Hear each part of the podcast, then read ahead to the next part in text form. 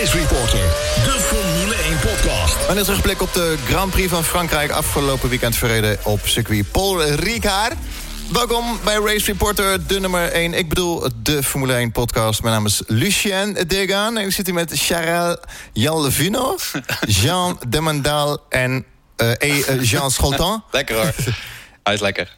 En deze keer beginnen we de podcast met een gedicht. Sebastian zegt... De lichten gingen te snel op groen. Nee hoor, zegt de meneer van de FIA. Volgens paragraaf zus en zo mogen wij dat doen. Een discussie rond een detail, om minder dan niks, verbergt een veel groter probleem. De vraag die niemand durft te stellen: bestaat er nog wel een fix?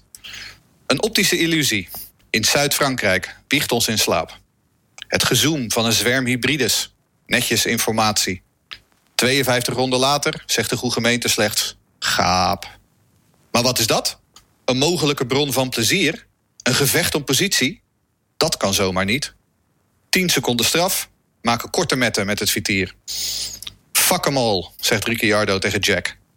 Want hoe leg je uit wat niet uit te leggen valt? Dit is toch geen race meer? Of ben ik nou gek? Hier helpt geen stokbrood of Beaujolais meer tegen. Deze sport is klinisch dood, ongeneeslijk ziek. Wat jij, Lucas Degen? Oeh, wat een uh, harde, pittige woorden. Ja, het is een beetje... Ik probeer het al weken uit te stellen om te zeggen... dat de Formule 1 uh, saai is geworden. Want we hebben natuurlijk een Formule 1-podcast. Maar het is, ik vind het wel... Het is, de afgelopen races zat ik niet op het puntje van mijn stoel. We hebben drie races op rij gehad met een uh, vijf seconden penalty. Ja. Nee, exact. Uh, er, zat... moet, er, moet, wel wat gebeuren. Dus uh, daar gaan we het uh, deze podcast uitgebreid over hebben. Weet je, ze zeggen officieel, hè, er bestaan geen saaie races. En nou ja, gisteren was er dan wat strijd in het middenveld. Maar ik moet ook eerlijk zijn, om tien voor vier zet ik toch even de Indy Lights op op mijn iPad. en vervolgens heb ik de rest van de wedstrijd eigenlijk naar Rinus van Kanthout zitten kijken. En die race was gewoon een stuk leuker. om nog maar te zwijgen om de, van de IndyCar race later die avond op Road America. Die natuurlijk helemaal fantastisch was. Het is... Het is een treurige bedoeling. Is gezien, zeker, zeker meer dan de helft was echt heel leuk. En uh, de regels uh, qua, qua uh, regulatie op de baan, qua gevechten, die zijn, niet, die zijn niet veranderd. Die zijn nog steeds precies hetzelfde. En sterker nog, door de veranderde voorvleugels zou je nu wat dichter op elkaar moeten kunnen racen. Hoe kan het dan ineens dat afgelopen winter we van een hele leuke jaargang naar echt een verrotte jaargang zijn gegaan? Is dat, is dat niet ook gewoon een beetje het Mercedes-effect? De, de enorme dominantie? Nou, om dan even door te pakken, de vraag via Twitter van Hendrik Seip. Die vroeg ik inderdaad, waar ligt volgens jullie de oorzaak van de saaie races? Hij zelf denkt de auto's. Um, wat je zegt, de reglementen zijn inderdaad niet veranderd. Maar ik denk dat het sowieso de dominantie van Mercedes is. Die rijden gewoon helemaal vooraan. Maar er is ook iets veranderd bij de wedstrijdleiding. En ik denk dat dat deels door Max teweeg is gebracht. Die ging die uh, limieten van de reglementen opzoeken. Die ging inhalen, die ging hard verdedigen. Die ging een keertje net buiten de baan met vier wielen rijkonen voorbij in Amerika. Dat heeft de regels denk ik zo ver opgerekt... dat ze alles duidelijker hebben gemaakt. En daar verkeerd op handelen, naar mijn inziens. Wat, wat, ik gewoon, wat uh, Jeroen Demmendaal ook zei... wat ik gewoon, mijn principe is, leg er gewoon gras neer. Als jij, dan heb je namelijk nadeel als je in het gras komt. Als jij buitenom met vier wielen iemand in het gras weet in te halen... prima, dan, dan heb je het ook verdiend. Maar nu is het te onduidelijk allemaal. Het, werkt ook een bepaalde manier van rijden in de hand. Uh, ik las gisteren een interview met Marcus Ericsson... Uh, naar aanleiding van uh, zijn eerste ronde over Road America. En hij zegt het is een bepaalde baan waarop je heel anders leert rijden. Hij zegt, weet je, op die moderne Formule 1-banen... daar weet je eigenlijk in je achterhoofd al... als je een fout maakt, ja, dan stuit hij gewoon een beetje over de astroturf... en vervolgens ga je weer terug de baan op. Hij zegt, als je dat op Road America probeert... dan eindig je gewoon in de muur. Dus je begint veel meer secuur je ronden op te bouwen. En veel meer secuur ben je... en veel meer gelijkmatig ben je uh, je grens aan het opzoeken. Hij zegt het is een hele andere manier van rijden. Uh, en dat, vond ik wel een hele treffende uh, omschrijving. Vooral van iemand als hij die natuurlijk allebei de klassen zo nabij heeft meegemaakt. Maar dan nog, een van de oldschool banen is Suzuka. Daar heb je nog gewoon grindbakken, daar heb je gras langs de baan. Maar zelfs daar kreeg Max het voor elkaar om toen bij de laatste chicane uh, wij te gaan, de baan op te komen en ook een penalty te krijgen, volgens mij ten opzichte van Rijkonen. Dus je komt die situaties gewoon tegen. Ze moeten gaan nadenken, wat gaan we daarmee doen? Nou, dat klopt. En daarbij, wat ik net al aangeef, 2018 was gewoon een perfect jaar met dezelfde uh, regels qua gevechten op de baan. Dus, dus daar, daar, daar zit het ook niet alleen maar in. En bovendien hebben we dit jaar al Australië gehad, was ook saai. En uh, Canada, waar uh, al die gekke, dat gekke gedoe rond Vettel was, wat ook een oldschool baan is, maar daar ging het ook weer mis. Dus het zit hem niet alleen in de banen. Maar ik ben het er wel mee eens dat met al dat soort uitloopstroken gebeuren, ja, dan vraag je gewoon of je in wil halen buiten de baan. Nou, we hebben vorige keer al gezegd... misschien moet Paul Ricard gewoon uh, maar weer van de agenda af, uh, van de kalender af. Kijk, Paul Ricard kan er niks aan doen dat het een, een testcircuit is geworden... maar het blijft geen racecircuit. Het was ooit een mooie baan, hoor. Ooit, ja. Het, het, het was mooi, het is op zich een mooie layout. En hoe het vroeger erbij lag, was prima. Ja. Nee, ben ik met je eens. Um, we hebben het hele tijd over Mercedes, oppermachtig natuurlijk. Um, ja, Mercedes versus de rest. Is het uh, hopeloos voor de rest van het jaar? Uh, nee, dat denk ik niet. Want als je realistisch kijkt, dan had uh, Ferrari uh, zowel in Canada als in Bahrein, zeker in Bahrein, hadden ze al kunnen winnen. Dus de vraag wordt gesteld door Daniel: gaat er überhaupt nog een ander team dan Mercedes winnen dit jaar? Of kan Ferrari in Oostenrijk met de rechte stukken nog iets proberen? Het zal een beetje afhankelijk zijn van de banden en hoe die banden daar gaan werken. Want dat is wel de grote truc die Mercedes uh, dit jaar uh, beter uh, onder controle heeft dan de rest van, van de teams. Maar ik, ik denk wel dat, dat Ferrari zeker nog, nog wat races gaat winnen. Want zoals ik al zei, zouden er al twee moeten winnen dit jaar. statistisch gezien is het natuurlijk niet aannemelijk dat Mercedes alle 21 races wint. Ehm, aan de andere kant Weet je, als je ziet hoe die Toto Wolf ook zit van tevoren... Hè, dan na de kwalificatie hebben ze het hele veld opgerold... en dan zegt hij, ja, het wordt nog wel een uitdaging... om met één stop deze race uit te rijden. En dan denk ik van, de zit hij weer, hoor. Zit hij weer te, under, te underpromissen. Uh, bij, bij, die, bij die pole van Hamilton, hij juichte niet eens. Nee, nee, had ik ook gezien. Hij zat daar gewoon, ja, ja nee, tuurlijk. Ja, we hebben pole, ja, tuurlijk. Weet je, het enige, dat zou het toch kunnen zijn... dat op een gegeven moment de gemakzucht er een beetje insluipt bij Mercedes... en dat ze daardoor hier en daar wat steekjes laten vallen. Maar aan de andere kant, het is zo'n geoliede machine op dit moment. En zelfs Bottas, die gisteren weer een drama-wedstrijd rijdt... Uh, wordt gewoon fluitend tweede. Nou, niet, niet fluitend in de laatste ronde, maar oké. Okay. Nee, maar even een mooi statistiekje. Eh, dat, uh, ik zie nu net inderdaad dat Ferrari en Red Bull... die hebben bij elkaar niet eens evenveel punten als Mercedes nu al heeft gehaald. En dat na zeven races, dat is toch echt het is bizar. Ja, zelfs Bottas heeft dus eentje meer punten dan het hele Red Bull-team. Ja. ja, dat is niet goed hoor. Nee. Maar inderdaad, ik zeg statistisch gezien... Uh, kan Mercedes gewoon niet alles gaan winnen dit jaar. Er moet wel iets gaan gebeuren. Uh, misschien uh, Mexico, waar Red Bull het vaak wel goed doet. Singapore heb ik inmiddels ook al niet heel veel hoop meer op. Maar ja, het kan toch niet zijn dat Mercedes allemaal gaat winnen dit jaar? Zeker in Bahrein waren ze echt minder dan Ferrari hoor. Echt minder. Wat mij is ook opgevallen was de enorme voorsprong van Lewis Hamilton. 15 à 16 seconden. Dat heb ik echt al... Lang niet meer gezien. Uh, nou, Bottas had natuurlijk wel in uh, Australië een grote voorsprong op Hamilton. Had dat natuurlijk met die kapotte vloer te maken. Maar dat, is, dat zal de laatste keer geweest zijn, denk ik. Race Reporter, de Formule 1 podcast. Racereporter.nl Dan Fransman, die meedoet in de Formule 1. Pierre Gasly en Verstappen. We nemen even Red Bull Racing door. Ja, Gasly was echt heel erg slecht uh, dit weekend. Ik heb hem volgens mij nog niet zo slecht gezien. In kwalificatie. Echt, op, echt op te huilen. In kwalificatie op achttiende gereden worden. Dat is, dat is niet normaal. En, uh, en tijdens de race was het nog erger, geloof ik. En Horner heeft ook nu uh, voor het eerst echt openlijk kritiek op hem geuit. Ja. ja. Hij had ook gezegd al uh, twee weken geleden of zoiets... dat ze eigenlijk uh, helemaal Pierre Gasly nog niet wilden. Want dat ze eigenlijk nog een jaar hem in de Toro Rosso hadden willen laten oefenen. Ja, je, uh, dat blijkt nu ook wel. Die overgang is veel te vroeg geweest. Ik ben ervan overtuigd dat Gasly een goede coureur is. Formule 2 kampioen. Ik, ik, hij, is echt wel, hij kan echt wel wat. Maar er zit geen enkele progressie in. En je moet nu toch wel heel serieus aan, aan Daniel Kvyat gaan denken. Want dit kan niet langer zo. En wat het is met Gasly, het gaat met hem elke keer om mis in de kwalificatie. Het feit dat ze hem op de softs naar buiten moeten sturen... om toch nog een respectabele tijd neer te zetten. Er is voor mij niemand geweest in de race op zondag... die op de softs is gestart en die ook een goede race-strategie heeft gereden. Ja, dan, dan begin je al met 1-0 achterstand. En dat, uh, dat breekt hem op. En tijdens de race komt hij dan uiteindelijk ook gewoon niet mee. Ja, het, is, het is gewoon te pijnlijk om te zien. Ja, nou, het punt is natuurlijk, ik denk dat wat Jeroen zegt wel een goed punt is. Hè, dat ze hem aanvankelijk helemaal nog niet wilden hebben. En dat ze hem inderdaad nog een jaar bij Toro Rosso wilden hebben. Um, Kijk, in die zin, um, het feit dat Red Bull uh, Ricciardo niet vast heeft kunnen of willen houden, uh, dat is dan ook een beslissing uh, die, ze, die moeten ze ownen. en dat, dat, dat heeft er toe geleid dat Gasly nu in die auto zit. Um, en dan kun je Kwiat of Albon er wel ingooien, maar ik, ik ben er niet van overtuigd dat dat beter wordt. Ik geloof, ik geloof daar echt niet in. Het grote probleem is een beetje ook dat alles met Verstappen wordt vergeleken. En Verstappen die haalt meer uit de Red Bull dan dat erin zit. Dus daardoor wordt Gasly, die er minder uit haalt dan erin zit... nog eens extra slecht weggezet. Daar ben ik ook wel een beetje van overtuigd. Daarbij, uh, Verstappen is natuurlijk na een jaar in een klein beetje... al gepromoveerd van Toro Rosso naar Red Bull. Uh, daarvoor, bij Fiat, ging dat helemaal mis. Want die was er nog niet klaar voor. Nu, bij Gasly, gaat het ook mis. Want normale talenten, zoals Gasly en Fiat zijn... die zijn er na een jaar nog helemaal niet klaar voor... om, naar, om dit soort stappen te maken. En dat blijkt nu wel gewoon. En ja, de, door Verstappen lijkt hij eigenlijk nog slechter dan dat hij is. Ja, nou, ik denk ook dat hij daarom misschien nog wel langer kan blijven zitten dan wij allemaal denken. Um, kijk, je kunt je, laten we eerlijk zijn, het seizoen is nu toch al verloren. Want um, uh, Ferrari en Mercedes gaan ze niet meer bijhouden. Nou, misschien Ferrari nog, maar Mercedes zeker niet. Um, dan kun je beter je nu richten op een goede vervanger voor 2020... in plaats van weer een soort lappendeken toe te passen... en dan Albon maar weer in die auto te gooien. Of wat je zegt, Kwiat. Want was Kwiat nou echt zoveel beter dan Albon dit seizoen? Ik, ik zie dat niet. en Kwiat heeft het inderdaad al een keer uitgeprobeerd. Um, kijk, wat natuurlijk ook nog kan, is dat ze op een gegeven moment gewoon de stekker eruit gaan trekken. Vooral als ze Verstappen uh, dreigen kwijt te raken. Ja, ik denk wat voor Red Bull nu het belangrijkste is, is al gaan nadenken over 2020. Wie willen ze dan naast Max hebben? Kijk, dat hebben ze ook met Max Verstappen gedaan, uh, voor mij 2016. Dat ze hem toen vervangen hebben met Fiat. Dat was natuurlijk ook mede, zodat Max al die auto kon gaan aanvoelen. Die kon het team gaan leren kennen. Die kon al gaan meeontwikkelen aan de auto voor het jaar erop. Um, dat, dat moet Red Bull nu weer doen. Zij moeten zelf gaan kiezen wie willen wij in die auto hebben volgend jaar.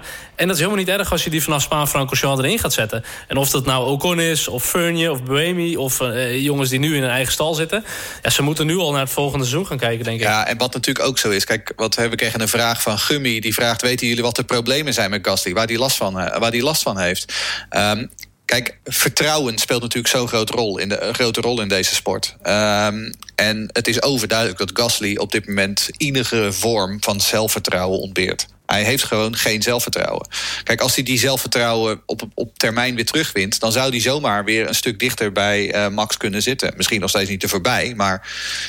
Je kun, in die zin kun je, wat ik net zei... ik denk ook wel dat Red Bull het een, bijna een beetje aan hem verplicht is om hem gewoon wat extra tijd te geven. En om misschien wel mentaal te helpen. Dat hebben ze destijds met Grosjean ook gedaan bij Lotus. In plaats van hem uh, te, laten, te laten zakken, hebben ze hem uh, geholpen. Ja, en om dan nog even iets anders erbij te pakken. Uh, we merkten volgens mij de, voor de race, het interview met Max... dat er enige irritatie begon te komen. Dat hij gewoon merkte, we hebben gewoon echt tekort vermogen is Gasly nu wel de hoogste prioriteit van Red Bull. Het chassis moet nog op orde. Uh, de motor van Honda ja. die moet echt nog gaan opschroeven. Uh, Gasly is in dat opzicht gewoon bijzaak misschien. Hè? Kijk, als Max presteert, uh, daar moet ze op focussen. en die tweede coureur, ja, dat komt. Maar ze hebben veel belangrijkere dingen, denk ik, waar ze nu aan gaan werken. Ja, maar het grote probleem is wel met Gasly... dat Gasly al mee bezig is met Gasly.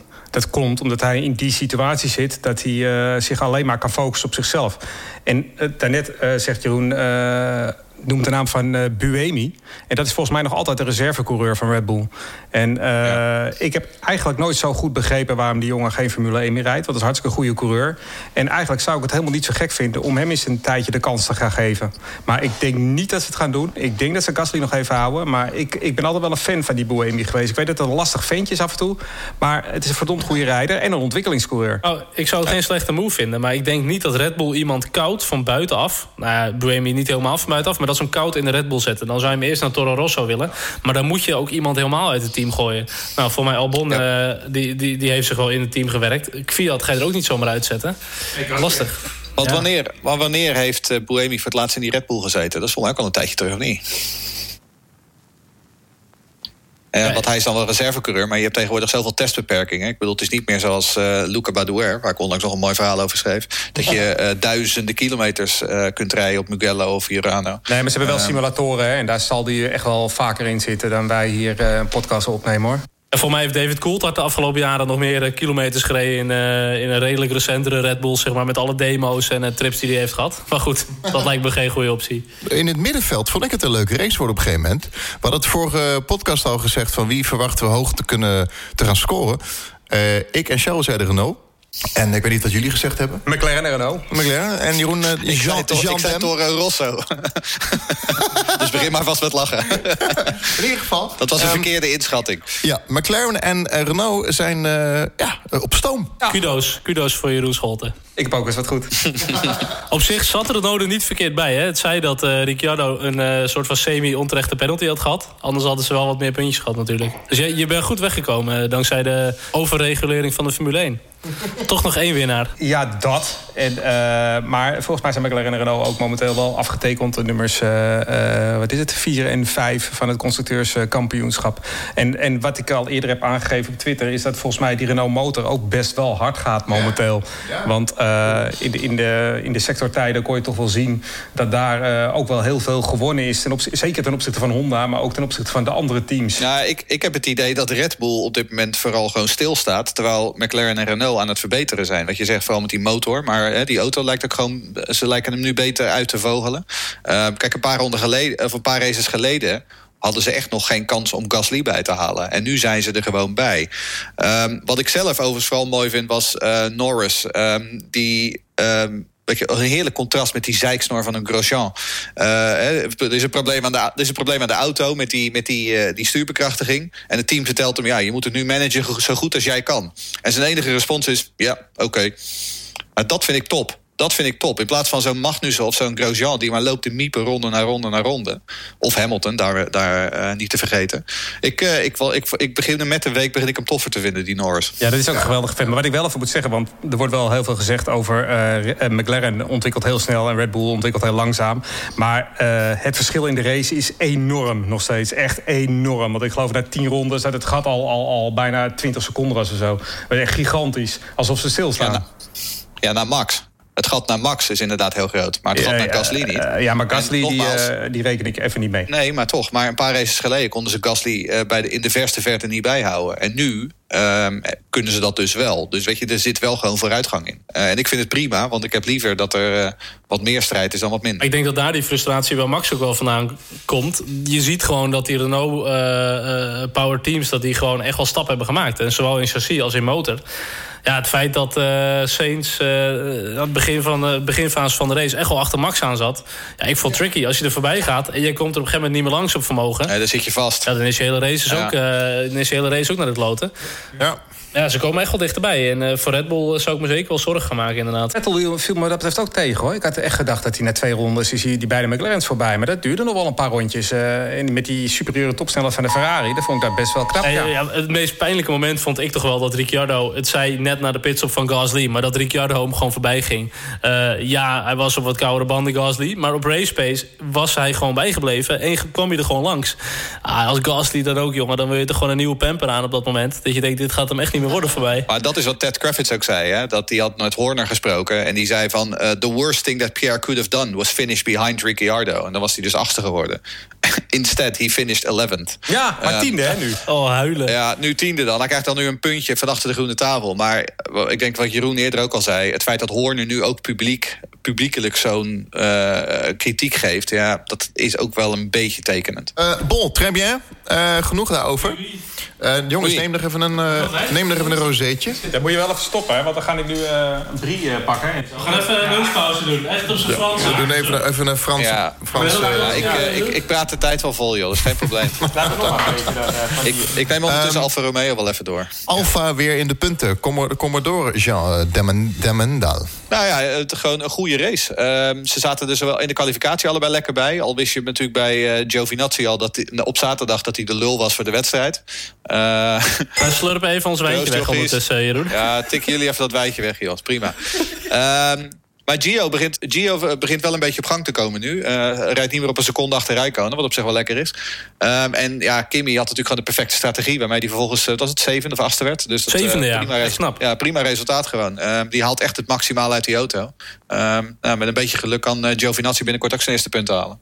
Tio heeft nul punten, jongens, kom op. Maar, maar dit is ook waar Kimmy het leukste vindt. Lekker in het middenveld, vechten met iedereen. Heerlijk, lekker zichzelf. Net als met de Lotus Ja. toen. Dat vond ik de leukste, de leukste en met Kimi. Sauber, hè? Ja, maar ik heb, nog steeds, ik heb nog steeds helemaal niks met Giovinazzi. Giovinazzi heeft gewoon in een hele goede auto nog steeds nul punten. Het is echt gewoon heel slecht. Giovinazzi? Wie? Giovinazzi? Wie? Ja, maar die zit wel in de Ferrari Academy, hè? Net als Giuliano Alesi, ook zo'n wereldtalent. Ja, en Mick Schumacher ook. Ze hebben wel het talent eh, dat klaar staat voor de toekomst, jongens. En Antonio Fuco nog. Goed, zoveel coureurs kan Ferrari niet stallen. Hè? Als je ziet hoe lang zij gemiddeld de coureur in dienst hebben.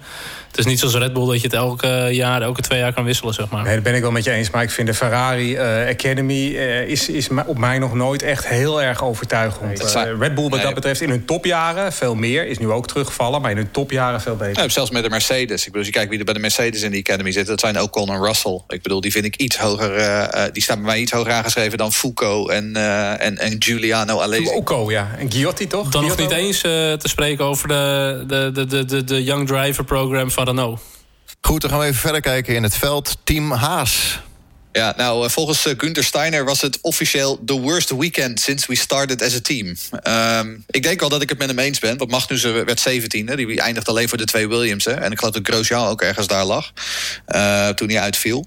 Ehm, ja, het, wordt, het wordt alsmaar erger. Ik moet ook zeggen, langzaam maar zeker begin ik dat verhaal van... ja, maar we krijgen de banden niet aan, de, aan het werk. Eh, Ik, ik geloof er niet zoveel van. Volgens mij is er veel meer eh, wat daar niet goed zit. Het kan niet Wat alleen maar de nou- banden zijn. Dit. Wat zou er nou echt mis kunnen zijn bij Haas? Kijk, de coureurs zijn middelmatig, zijn geen toptalenten, maar eh, kunnen redelijk rijden. Chassis kan niet heel erg veel mis mee zijn. Eh, Mhm. De motor kan niet heel veel mis mee zijn, maar toch is er iets wat daarin niet goed gaat. Eh, want Ja, ze zijn echt vet teruggezakt. Ja, het is ongelooflijk. Vooral omdat ze zo goed begonnen aan het seizoen ook. Hè? Er is ook structureel iets mis, denk ik hoor. Want als je ook kijkt naar eh, bijvoorbeeld de, eh, de topsnelheden in de, op de rechte stukken, die zijn echt, is echt gewoon veel langzamer ook dan bij Ferrari zelf. En ze hebben dezelfde motor. Er zit echt. Ja, zou het probleem erin zitten dat zij voor 2019 eh, niet helemaal die Ferrari hebben gekopieerd. Want zij hebben natuurlijk niet dat concept met die voorvleugel, wat Ferrari eigenlijk wat had ontwikkeld. Eh zijn misschien dit jaar eh, iets meer hun eigen kant op gegaan. Ja, en wellicht dat ze daar gewoon, gewoon nu klem lopen. ja maar het concept van Ferrari is ook nog niet geweldig tot nu toe. Nee, maar goed, je ziet dat eh, Sauber heeft een soort gelijk concept. En die komen ook gewoon redelijk mee. Alfa Romeo, het is 2019. Oké, Alfa Romeo, sorry. Oude stempel. Nee, mee. Het grappige is, ik, ik riep natuurlijk twee- twee weken terug hier... dat ehm, Alexander Rossi misschien wel een goede kandidaat zou zijn voor Haas. Of eventueel Joseph Newgarden. Nou, Joseph Newgarden heeft een doorlopend contract. Alexander Rossi niet. Maar ik kreeg gisteren ook van iemand via Twitter te horen... die zei van waarom zou Rossi op dit moment in hemelsnaam naar Haas willen? En ik moet wel zeggen, ja, dat is een fair point. Ehm, ik denk in ieder geval niet dat eh, eh, toen hij gisteren zei... dat zijn toekomst in de handen van God lag... dat hij toen Günther Steiner bedoelde. Nee. Nee, maar Rossi heeft nu alles wat hij maar wil hebben in de IndyCar, lijkt mij. Dat zijn fantastische races, winst. eh, hij kan vechten voor de podia. Dat is toch fantastisch, man, om daar zo te racen? Ja, eh, eens. Dat denk ik ook wel, maar we moeten het ook niet dramatiseren met Haas. Want eh, de- Ik hoor het woord drama. Zo, ik ga er even lekker voor zitten. Race Reporter, de Formule 1 podcast. Ik heb een lijstje gemaakt met eh, Franse Formule 1-coureurs... die het beter deden dan Grosjean. Formule1podcast.nl Grosjean rijdt 10 jaar Formule 1. En als hij niet doorrijdt, eh, gaat hem niet lukken... maar dan haalt hij dus niet de ene overwinning die Panis wel haalde... in eh 10 jaar tijd. Olivier Panis reed namelijk 158 Grand Prix. Won één keer, natuurlijk met heel veel mazzel. Maar eh, Grosjean heeft 153 Grand Prix op zijn naam... En niet één overwinning. Uh, Grosjean wel tien podia. Tien keer op het podium gestaan. één keer snelste ronde. Dat had Olivier Panis niet. Die heeft vijf keer op het podium gestaan. Maar ik heb ben even eh teruggedoken in de geschiedenis. Er zijn Franse coureurs zoals François Clevert. Ik noem hem eh, Bumper Clevert. Die reed eh, begin jaren 70. Heeft 47 Grand Prix gereden. Eén keer gewonnen. Jean-Pierre Laboulier. Ik zeg het waarschijnlijk niet goed. Jabouille. Ja. Ja, lekker boeien. Die reed eind jaren 70 eh, 55 Grand Prix, won twee keer. Dan hebben we nog eh, Didier Pironi, zeg ik dat goed? Ja, Pironi. Ja, eh 87, 82, die reed 72 Grand Prix, drie keer gewonnen. Dus een Grosjean is slechter dan een Panis. Ja, en dan moet je ook nog even bedenken dat zowel Sever als eh Pironi zichzelf natuurlijk op een hoop reden. Ehm, dus Grosjean verliest ook van twee dode mannen die eh eh hebben in zijn carrière ehm, uh, kort, kort getrokken werd door het feit dat ze, dat ze dodelijk verongelukten. Ja, oké, maar ik vind dit ook niet. Deze statistieken vind ik niet alles zeggen. Want er zijn wel meer coureurs waarvan je dit soort lijstjes. Uh, en nog wel langer ook. die nog nooit iets gewonnen hebben. We kunnen ook gewoon naar Nico Hulkenberg kijken. die ook al ja. tig jaar in de Formule 1 zit. en nog nooit het podium van dichtbij bekeken. Dus uh, we kunnen er wel meer noemen. Maar als je gewoon ook afgelopen weekend. Uh, de vrijtrainingen, de kwalificatie en de race. en alles hebt bekeken. dan is er één coureur die meer naast de baan en op de baan heeft gereden. En dat is Romain Grosjean. En de man is, zit gewoon ontzettend, uh, ontzettend slecht in zijn veld momenteel. Ah, het zit hem ook niet mee, hè? Zoals die keer dat hij toen in uh, Baku door Eriksen van de baan werd gebeukt. Kijk, dat, dat is ook geen geluk natuurlijk. Uh, vorige week zei uh, Jeroen Demmendaal... die zei uh, dat Frank Williams ooit zei... waarom zou ik een rijder aannemen die altijd pech heeft? Ja, inderdaad. Ja, dat zei Frank Williams inderdaad. Um, kijk, het punt met Hulkenberg is natuurlijk ook... dat Hulkenberg gewoon een um, fijne vent is... terwijl Romain Grosjean gewoon een vervelend stuk vreed is.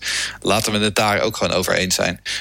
Um, ja, het is wel een beetje wel. slappe stokbrood. Ja. Dat is wel een vriendelijke, vriendelijke gast. Slappe het is stokbrood. wel Ja, weet je wat mijn punt is? Even naar die statistieken gekeken. 153 Grand Prix op zijn naam. Jean Alesi heeft er 202 op zijn naam. Alle andere coureurs zijn er gewoon mee gestopt. Mijn punt is, Grosjean, stop er gewoon mee. Ja. Daar zijn we het allemaal wel over eens, denk ik. Ja, we zeiden vorige week al dat Robert Kubica misschien ergens in de Formule 4 uh, uh, aan de slag kan. Uh, misschien kan Grosjean met hem mee. Ja, maar voor Grosjean geldt hetzelfde gewoon als voor Gasly telt, uh, geldt. Als er gewoon een goede vervanger paraat was, dan had hij er al lang in gezeten. Want wat ook Kunter Steiner en ook Gene Haas zien allemaal... dat het helemaal niks meer gaat worden hij met die zit, hij zit tien jaar in de Formule 1. Ik bedoel, er zijn meerdere rijders die net tien jaar er gewoon mee gestopt zijn. Ik bedoel, het gaat, het gaat hem niet meer worden. Zou hem eigenlijk dit jaar al niet meer moeten verlengen, hoor. Vorig jaar was het wel goed geweest, denk ik. Maar goed, Maar wellicht- hoewel, ik vond hem bij Lotus trouwens helemaal niet zo slecht hoor, naast Rijkonen. Ik vond hem daar best goed rijden. Eh, Hij had natuurlijk dat Spa. Ja, hij, reed alleen zes, maar- hij reed alleen zes auto's kort ieder seizoen. Dat was een beetje het probleem. Ja, maar pakt ook tien podia, zie. Maar misschien is dat wel een mooi bruggetje naar de Formule 2. Van, we hebben het over coureurs die vervangen moeten worden. Maar wie staan er dan nu daadwerkelijk klaar? Oké, we hebben Ocon, die rijdt niet meer in de Formule 2. Die eh, staat er natuurlijk ook klaar voor. Maar wat hebben we dan in de Formule 2? Die gaat naar Renault, hè? Wat, ja, dat, nou ja, er gaan wel geruchten dat hij naar Renault gaat. En dat zou op zich wel eh, een, een niet geheel onlogische keuze zijn, denk ik. Nee, en dan kan Hulkenberg dus naar Haas. Bijvoorbeeld. Ja, ik, ik, ik ben nooit heel erg overtuigd geweest eh, van eh Smans kwaliteiten. Maar ik moet heel eerlijk zeggen, als ik afgelopen weekend eh, de eerste Formule 2 race heb gezien, dan was Nick de Vries wel heel erg indrukwekkend. indrukwekkend. Dus ik denk wel dat hij zich wat aan het, eh, aan het ontwikkelen is. De tweede race, typisch Nick de Vries natuurlijk, stelt hij dan weer wat teleur. Dan krijgt hij op de een of andere manier eh, die banden toch weer niet aan het werk. En op het eind eh, rijdt hij gewoon veel te langzaam over die baan.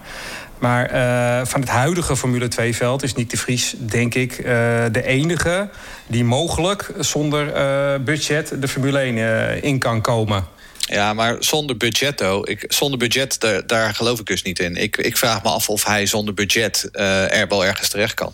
Ik, Eh, ik nee. zou niet weten waar hij in kan stappen. Dat denk ik ook niet. Maar er wordt hier de vraag gesteld: wie, uit de, wie zou je door kunnen schuiven? Nou, dan is, is Nick de Vries op dit moment wel de beste, denk ik. Want Ki- eh, Kyoto en, en, en al die jongens, dat, dat geloof ik Dan, niet. dan heb je het al over de beste. Maar naar mijn inziens, dat was eerder opgenoemd... is dit Formule 2-veld is echt het zwakste wat we in jaren hebben gehad. En Ja. niet om niks zwak te Ja, noemen. eens. Want de, in, de, in, de, in de hoofdrace reed hij echt eh, dominant aan de leiding. Hartstikke en goed, ja. ma- manage hij zijn banden heel goed.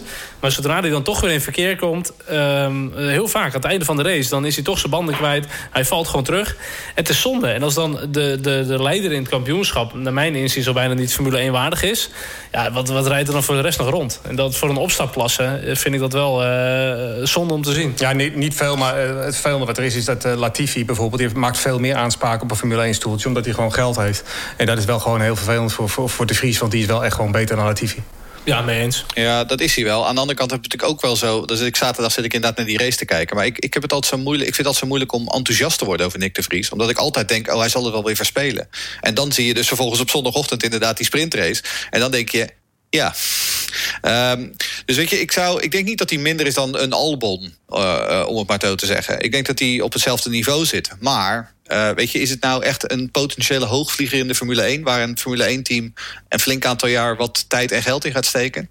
Ik weet het niet. Ehm, en dan, weet je, het zou dan inderdaad Williams kunnen zijn. Maar ja, Williams heeft geld nodig en dan staat Latifi gewoon op pole position. En dan moet je ook afvragen, wil je dat? Maar als je ziet die lichting waar Nick vorig jaar mee reed... met Norris en Russell, dat waren allemaal leuke gasten, frisse jongens... lekker interactief op social media, met iedereen. En met niks zie ik dat gewoon minder. Weet je wel? En als totaalpakket, voor een team speelt dat volgens mij ook wel mee. Moet ik zeggen dat de Latifi ook niks uitstraalt hoor. Maar dat had je vorig jaar. Dat, je had best wel wat jongens die waren lekker aan het vechten. Lekker lolletje met elkaar. En dat wil je ook een beetje zien. Gewoon een beetje frisse jongens, zeg maar. Door Norris, de, die hebt de lachers op zijn hand. Iedereen die vindt hem leuk. Iedereen die vindt hem fantastisch. Dat is toch machtig om te zien, zo'n gassie. Dat, dat clipje voor de race, heb je dat gezien? Dat hij mee zat te deinen met de stadionspeaker. Dat vond ik echt heerlijk. Er zal een van de dansplaatje op staan. En daar zat hij zeg maar, in zijn cockpit zeg maar, met die helm op en neer. Dat was prachtig om te zien. Ja, volgens jaar verstand voor bloed, zweet en tranen of zo. Ja, exact. Maar uh, volgende week weer, hè, Formule 2 in Oostenrijk. Zijn ze er Ja, ook? Formule 3 ook. Ja. Veel mensen zijn op dit moment hun eh, tent aan het inpakken. Want de Grand Prix van Oostenrijk komt eraan eh, dit weekend. Daar hangt een goed oranje sfeertje altijd net als eh, op Spa-Francorchamps. Oostenrijk is toch een beetje het, eh, het, eh, ja, het tweede Spa geworden als... eh, Wat mij betreft is het zelfs eh, bijna meer populairder geworden dan Spa. Gezien eh, het circuit, hoe goed hij erbij ligt, de faciliteiten om het circuit. Ik was er vorig jaar voor het eerst geweest. Toevallig ook bij de winst van Max. Ook op de Oranje Camping daar. Ja, ik moet zeggen, het was echt fantastisch. Maak geen grappen. Ja, nee, oranje haren, inderdaad, dankjewel. Zo'n grote fan ben ik. Nee, maar ik moet zeggen, eh, vorig jaar Oostenrijk, ja, ik vond het echt fantastisch om te zien. Die camping vol met Max-fans, eh, eh, de, de winst daar. Dit was een van de bus, zag Het klopt, ja. Er was ook jongens die wij kennen inmiddels nu. Inderdaad, die hadden die hele bus. Er gaat dit jaar weer een andere bus gaat erheen. Helemaal in de kleuren van Red Bull. Maar echt gewoon een, een, een openbaar vervoerbus. Ja, nou echt super tof. En wij zaten, stonden vorig jaar ook op die tribune waar je die beelden wel van kent. Dat iedereen van links naar rechts aan het hossen was en zo. Ja, ik vond het echt mooi om daar een keer tussen te staan. Eh, ja, dat gaan we dit jaar denk ik niet zien. Ik zat er een jaar eerder, in 2017. Maar toen eh, viel eh, Verstappen uit in bocht 1. Ja. En wij zaten eh, halverwege bocht 1 en 2. Dus we hebben hem ongeveer nul keer langs zien komen. Was dat met Fiat en Alonso toen? Of? Eh, het was eh, Daniel Kvyat die eh, torpedeerde Fernando Alonso... en die ramde Verstappen er dan af. En toen hobbelde hij nog wel een beetje eh, met, eh, met wat minder wielen, geloof ik... voor ons langs zo. En toen shockte hij ergens verderop stil. Mm, dat was ons tripje naar Oostenrijk. Het circuit zelf is gewoon echt mooi. Het is Het- echt, ja, de hele- eh, alles, als je daar ook zit, je ziet gewoon twee derde van de baan kan je overzien. Het is verschrikkelijk mooi voor een, coureur, voor een fan. Ik, ik ben een beetje van de details, maar vorig jaar hadden we toch zo'n droge zomer. Toen was, eh, waren alle circuits hadden eh, bruin gras, behalve Oostenrijk. Dat was echt knalgroen door de, door de bergen. En de, het was echt, ik zag helemaal zo'n eh, reclame met een koe en zo. Nee, maar het zijn echt perfecte Nee, faciliteiten. dat was groene verf. Dat is voor mij ook Dietrich Mateschitz die dat, hij dat circuit gekocht heeft en helemaal gerenoveerd heeft. Dat hij ook de hele omgeving ook zeg maar, heeft gelandscaped. Om dat echt heel mooi te krijgen voor op camera, voor de bezoekers. Geen rare gebouwen, palen, elektriciteitsdingen en zo. Alleen wat hij al heel lang wil, is dat lange rechte stuk weer doortrekken naar hoe die vroeger was. De oude- dat, de oude Ja, en dat lukt niet heel erg. Race Reporter, de Formule 1 podcast. Racereporter.nl Dan tijd voor de luisteraarsvragen die gesteld werden via Twitter. Twitter.com slash racereporternl. De eerste vraag. eh, Hans.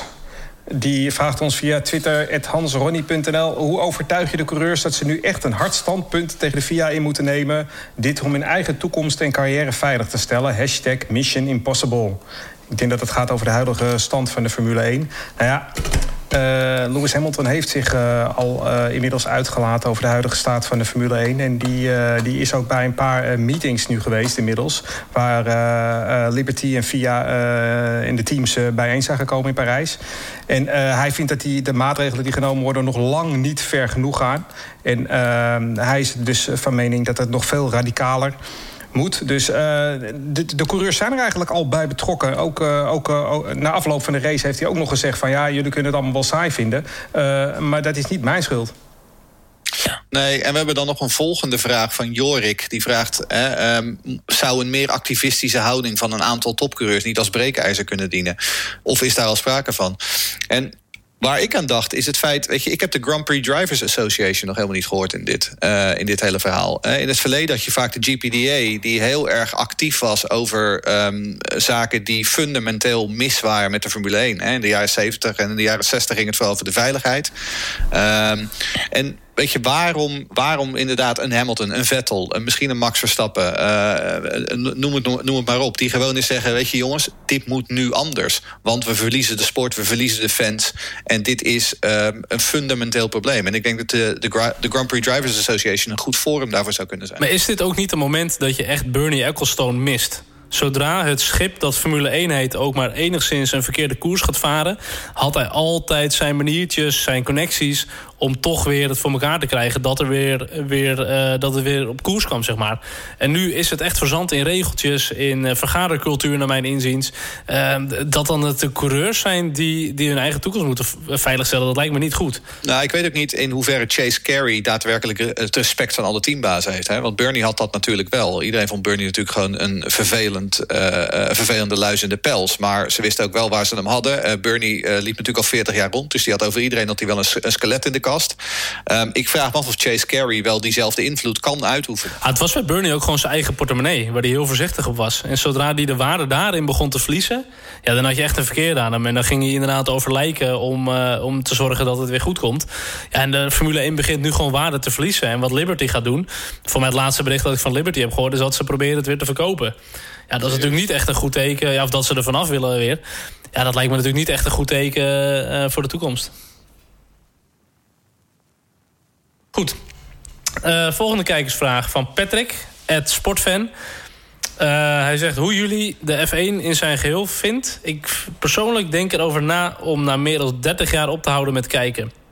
Nou, dat, dat vind ik dan ook alweer uh, een beetje rigoureus. Kijk, je moet zo zien, het gras bij de buren is altijd groener. Nou, op dit moment hebben we geen gras meer, maar hebben we gewoon asfalt liggen, uh, uitloopstroken.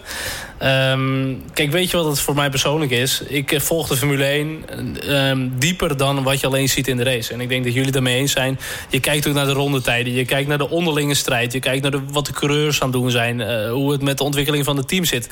Daarnaast hebben we nog een livestream, uh, livestream aan met Indy Lights. weet je, we kijken ook andere raceklasses. En voor mij is juist die mix van, van verschillende raceklasses... en verschillende ehm, disciplines is wat het interessant maakt. Dus ja, ik zal nooit stoppen met kijken naar de Formule 1... Maar het is op dit moment niet het eh, knapste meisje van de klas. Nee, ik zal nooit stoppen met kijken. Dat ben ik met je eens. Aan de andere kant is het wel zo dat het... Nou ja, laat ik zeggen, dit seizoen, de laatste paar races... is het zo geweest ach, de Formule 1 komt aan, komt op eh, vanmiddag, op zondagmiddag. En dan denk ik altijd, maar gelukkig komt daarna de IndyCar nog. En dat is lange tijd is dat niet zo geweest. Had ik ze allebei even hoog zitten. Omdat ze allebei op hun eigen manier uh, uh, heel veel plezier en heel veel vermaak boden. En de laatste paar races, moet ik wel zeggen, eigenlijk dit hele seizoen... vind ik dat met de Formule 1 erg tegenvallen. Maar in hoeverre is dit anders dan de dominantie met Schumacher? Ik vind het echt anders, want toen had je ook nog mooie races. Schumacher liet ook gewoon nog leuke, gekke dingen zien. En je had Hakkinen en je had nog Villeneuve. Uh, gewoon Pablo Montoya. Wie hebben we nu? Lewis Hamilton. En wie nog meer? Max Verstappen? Ja, Max. Lando Norris? Nee, maar kom op, je ziet geen één op één gevecht meer tussen Max en uh, Lewis. Ik denk gewoon regels weg, meer gras. Ik kijk even met een schuine oog naar Jeroen Demmendaal op de tablet. Weet jij wat het verschil is in formaat tussen een Formule 1-auto en een IndyCar-auto? Want ik vind die Formule 1-auto's echt bizar groot geworden tegenwoordig. Zie zo'n machine... Ze zijn vooral heel erg lang geworden. Uh, ook in vergelijking met oude Formule 1-auto's. Uh, een Formule 1-auto was voorheen een halve meter korter, als het niet meer was. Maar weet jij uit je hoofd hoe het zich verhoudt, de Formule 1 tot de IndyCar? Want voor mij zijn die vele malen korter. De IndyCars zijn ook wat korter, ja. Maar dat komt ook omdat vooral achter, achter de rijder, hè, waar, die motor, uh, waar, waar de motor zit, zeg maar... dat is het deel van de Formule 1-auto wat zo ontzettend veel langer geworden is. Volgende vraag. Chris vraagt: Wat verwachten jullie van de nieuwe regels in 2021? Gaat er wezenlijk iets veranderen in de huidige, dit jaar ontzettend saai geworden pickorder vooraan het grid? Uh, ja, dat gaat. Want uh, ik, ik, ik ben wat dat betreft uh, positief geluimd. Ik denk dat vooral dit hele slechte racejaar 2019 uiteindelijk nodig zal zijn om iedereen wakker te schudden en te laten zien dat het wezenlijk anders moet. Ik denk dat er uiteindelijk weer geluisterd gaat worden naar de fans. En ik denk dat in 2021 er inderdaad radicale regelwijzigingen komen. Natuurlijk ook met een, met een budgetcap, dat hebben we gehoord. Die is niet heel radicaal. Maar de grote teams zullen toch een miljoentje of 40, 50 in moeten gaan leveren, heb ik begrepen. Dus uh, de pickorde, de grote teams zullen altijd de grote teams blijven. Maar ik, ik heb toch wel een hele goede hoop dat er in 2021, door alle ophef van de laatste tijd, dat er toch wel wat gaat veranderen. Ja, nee, ben ik helemaal met je eens. Ik denk inderdaad dat dat gaat gebeuren. Uh, er stond uh, eerder deze week stond er een groot stuk in Automotor Sport in Duitsland.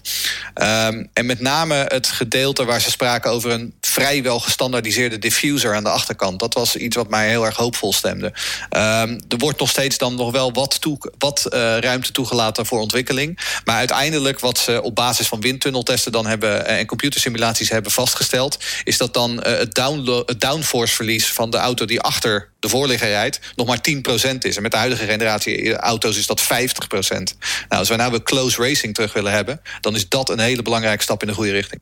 Maar ik vrees wel met grote vrezen, ook met het vertragen nu van de nieuwe reglementen voor 2021, dat ze eigenlijk nog niet weten welke richting ze op moeten. En dat baart mij enige zorgen dat ze dat niet nu al duidelijk hebben. Want Liberty is er al een tijdje mee bezig. En ik zit onder andere ook op f1fanvoice.com. Kan je ook als, als fan je mening geven. Ze hebben gigantisch veel enquêtes en zo. Dat lijkt me echt een perfecte bron van input. Um, maar ik heb het idee dat daar nog niet bijster veel mee wordt gedaan. Nou, het punt is, ze weten wel welke kant ze op moeten. Het enige is alleen, ze zijn het er nog niet over eens ze het ook daadwerkelijk gaan doen. dit doet me een beetje denken aan de tijd... wat, wat dat zei Jean-Claude Juncker destijds tijdens de eurocrisis met Griekenland. We weten wat we moeten doen. We weten alleen hoe we daarna dan nog herkozen moeten worden.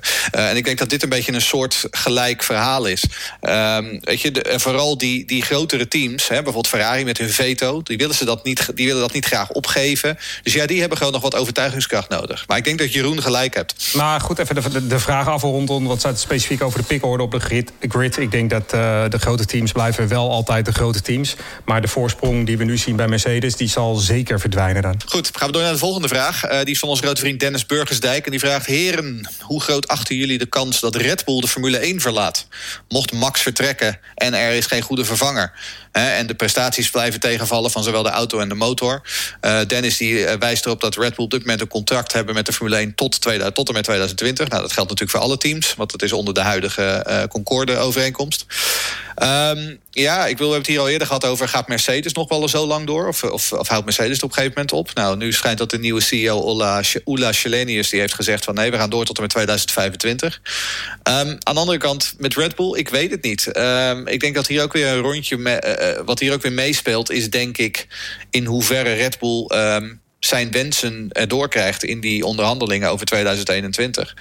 Um, en als dat niet zo is, ja, misschien dat ze dan wel wat anders gaan doen. Denk je ook niet dat de invloed van, uh, van Verstappen op uh, Red Bull heel groot is? Want, want uh, ja. als je om Verstappen heen kijkt, wie, wie, wie zouden ze kunnen aantrekken? Ja, ja Vettel wordt exact. wel hier en daar genoemd, maar... Ja, exact. En als je dan kijkt inderdaad naar de huidige... als je, als je dan kijkt naar de huidige, hè, de, de afgelopen dagen...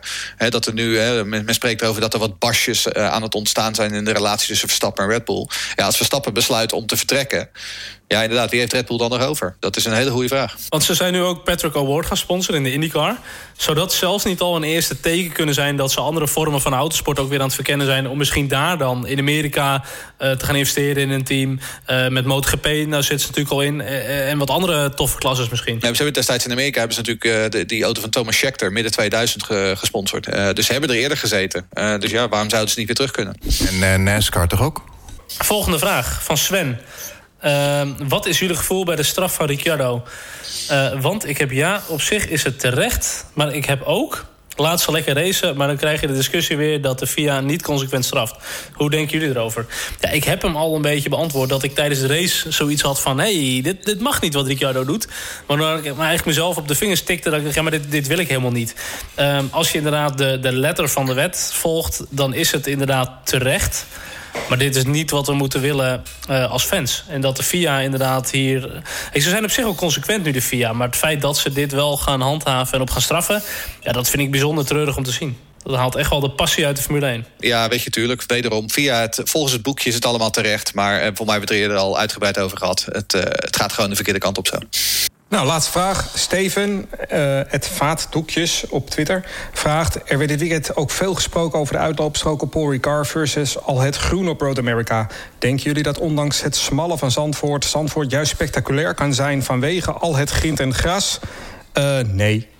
Nee, Zandvoort is, uh, is totaal niet geschikt voor de huidige Formule 1. Als je naar lagere raceklassen gaat kijken... dan kan je het eigenlijk al zien. Iemand haalde aan, dit, deze week op Twitter dat, uh, dat ook de Formule 3 daar al moeite heeft met inhalen. Maar dat blijkt ook wel, ja. ja we hadden op, uh, op Twitter al een beetje discussie inderdaad. En eigenlijk is Zandvoort een beetje de babyversie van Interlagos. Dat is een versie die, het lijkt er een beetje op, maar dan is dat veel breder, ja. veel meer glooiing. Ja. Ja. Maar het lijkt er wel een klein beetje op. En uh, we hebben ook al de discussie gehad op Twitter van, joh, wat maakt nou een race? Is dat ook de ambiance, de fans, de historie? Ja, maar uiteindelijk wil je wel op 21 Grand Prix of meer in een jaar, wil je wel uh, minimaal 19 knallende races zien. En een race als Monaco neem je het wel eens op de koop toe... dat het niet de meest spectaculaire races zijn. Zandvoort mag voor mij in dat rijtje... maar dan moeten die anderen wel echt top zijn. Ja, ik denk niet dat hij bij Zandvoort extreem spectaculair gaat worden. Ja, maar jongens, het is heel simpel. Het is Formule 1 in Nederland. Dat is het enige wat voor mij telt. En dat die race een waardeloos wordt, dat interesseert me verder niet. Maar ga jij dan vanuit Zweden deze kant op? Absoluut, ja. Ik kom absoluut die kant op. Ja, dat, uh, daar kun je van op aan. Ja. Kijk, ik moet zeggen, bij de meeste Formule 1 races... Dan, dan ben ik vaak ook wel achter de schermen in de paddock of, of whatever. Um, bij Zandvoort ga ik gewoon met mijn pakje wiki... en met mijn ontbijtkoekje lekker in de duinen zitten... en gewoon Formule 1 kijken. En daar kijk ik echt gigantisch ja, naar uit. Here. Goed, uh, er komt een einde aan deze podcast, deze Franse podcast. En dit weekend alweer, de volgende Grand Prix, die van Oostenrijk. Mooie baan. En als je daar naartoe gaat, heel veel plezier. Geniet ervan. Vrijdag natuurlijk de vrije trainingen. Zaterdag de kwalificatie om 3 uur. En zondag de race 30 juni, 10 over 3. De Oostenrijkse Grand Prix op de Red Bull Ring. Heren, merci bien. Ja, ik ga weer aan mijn stokbroodje met Brie, dus uh, graag gedaan. Ja, au revoir. Ja, au revoir.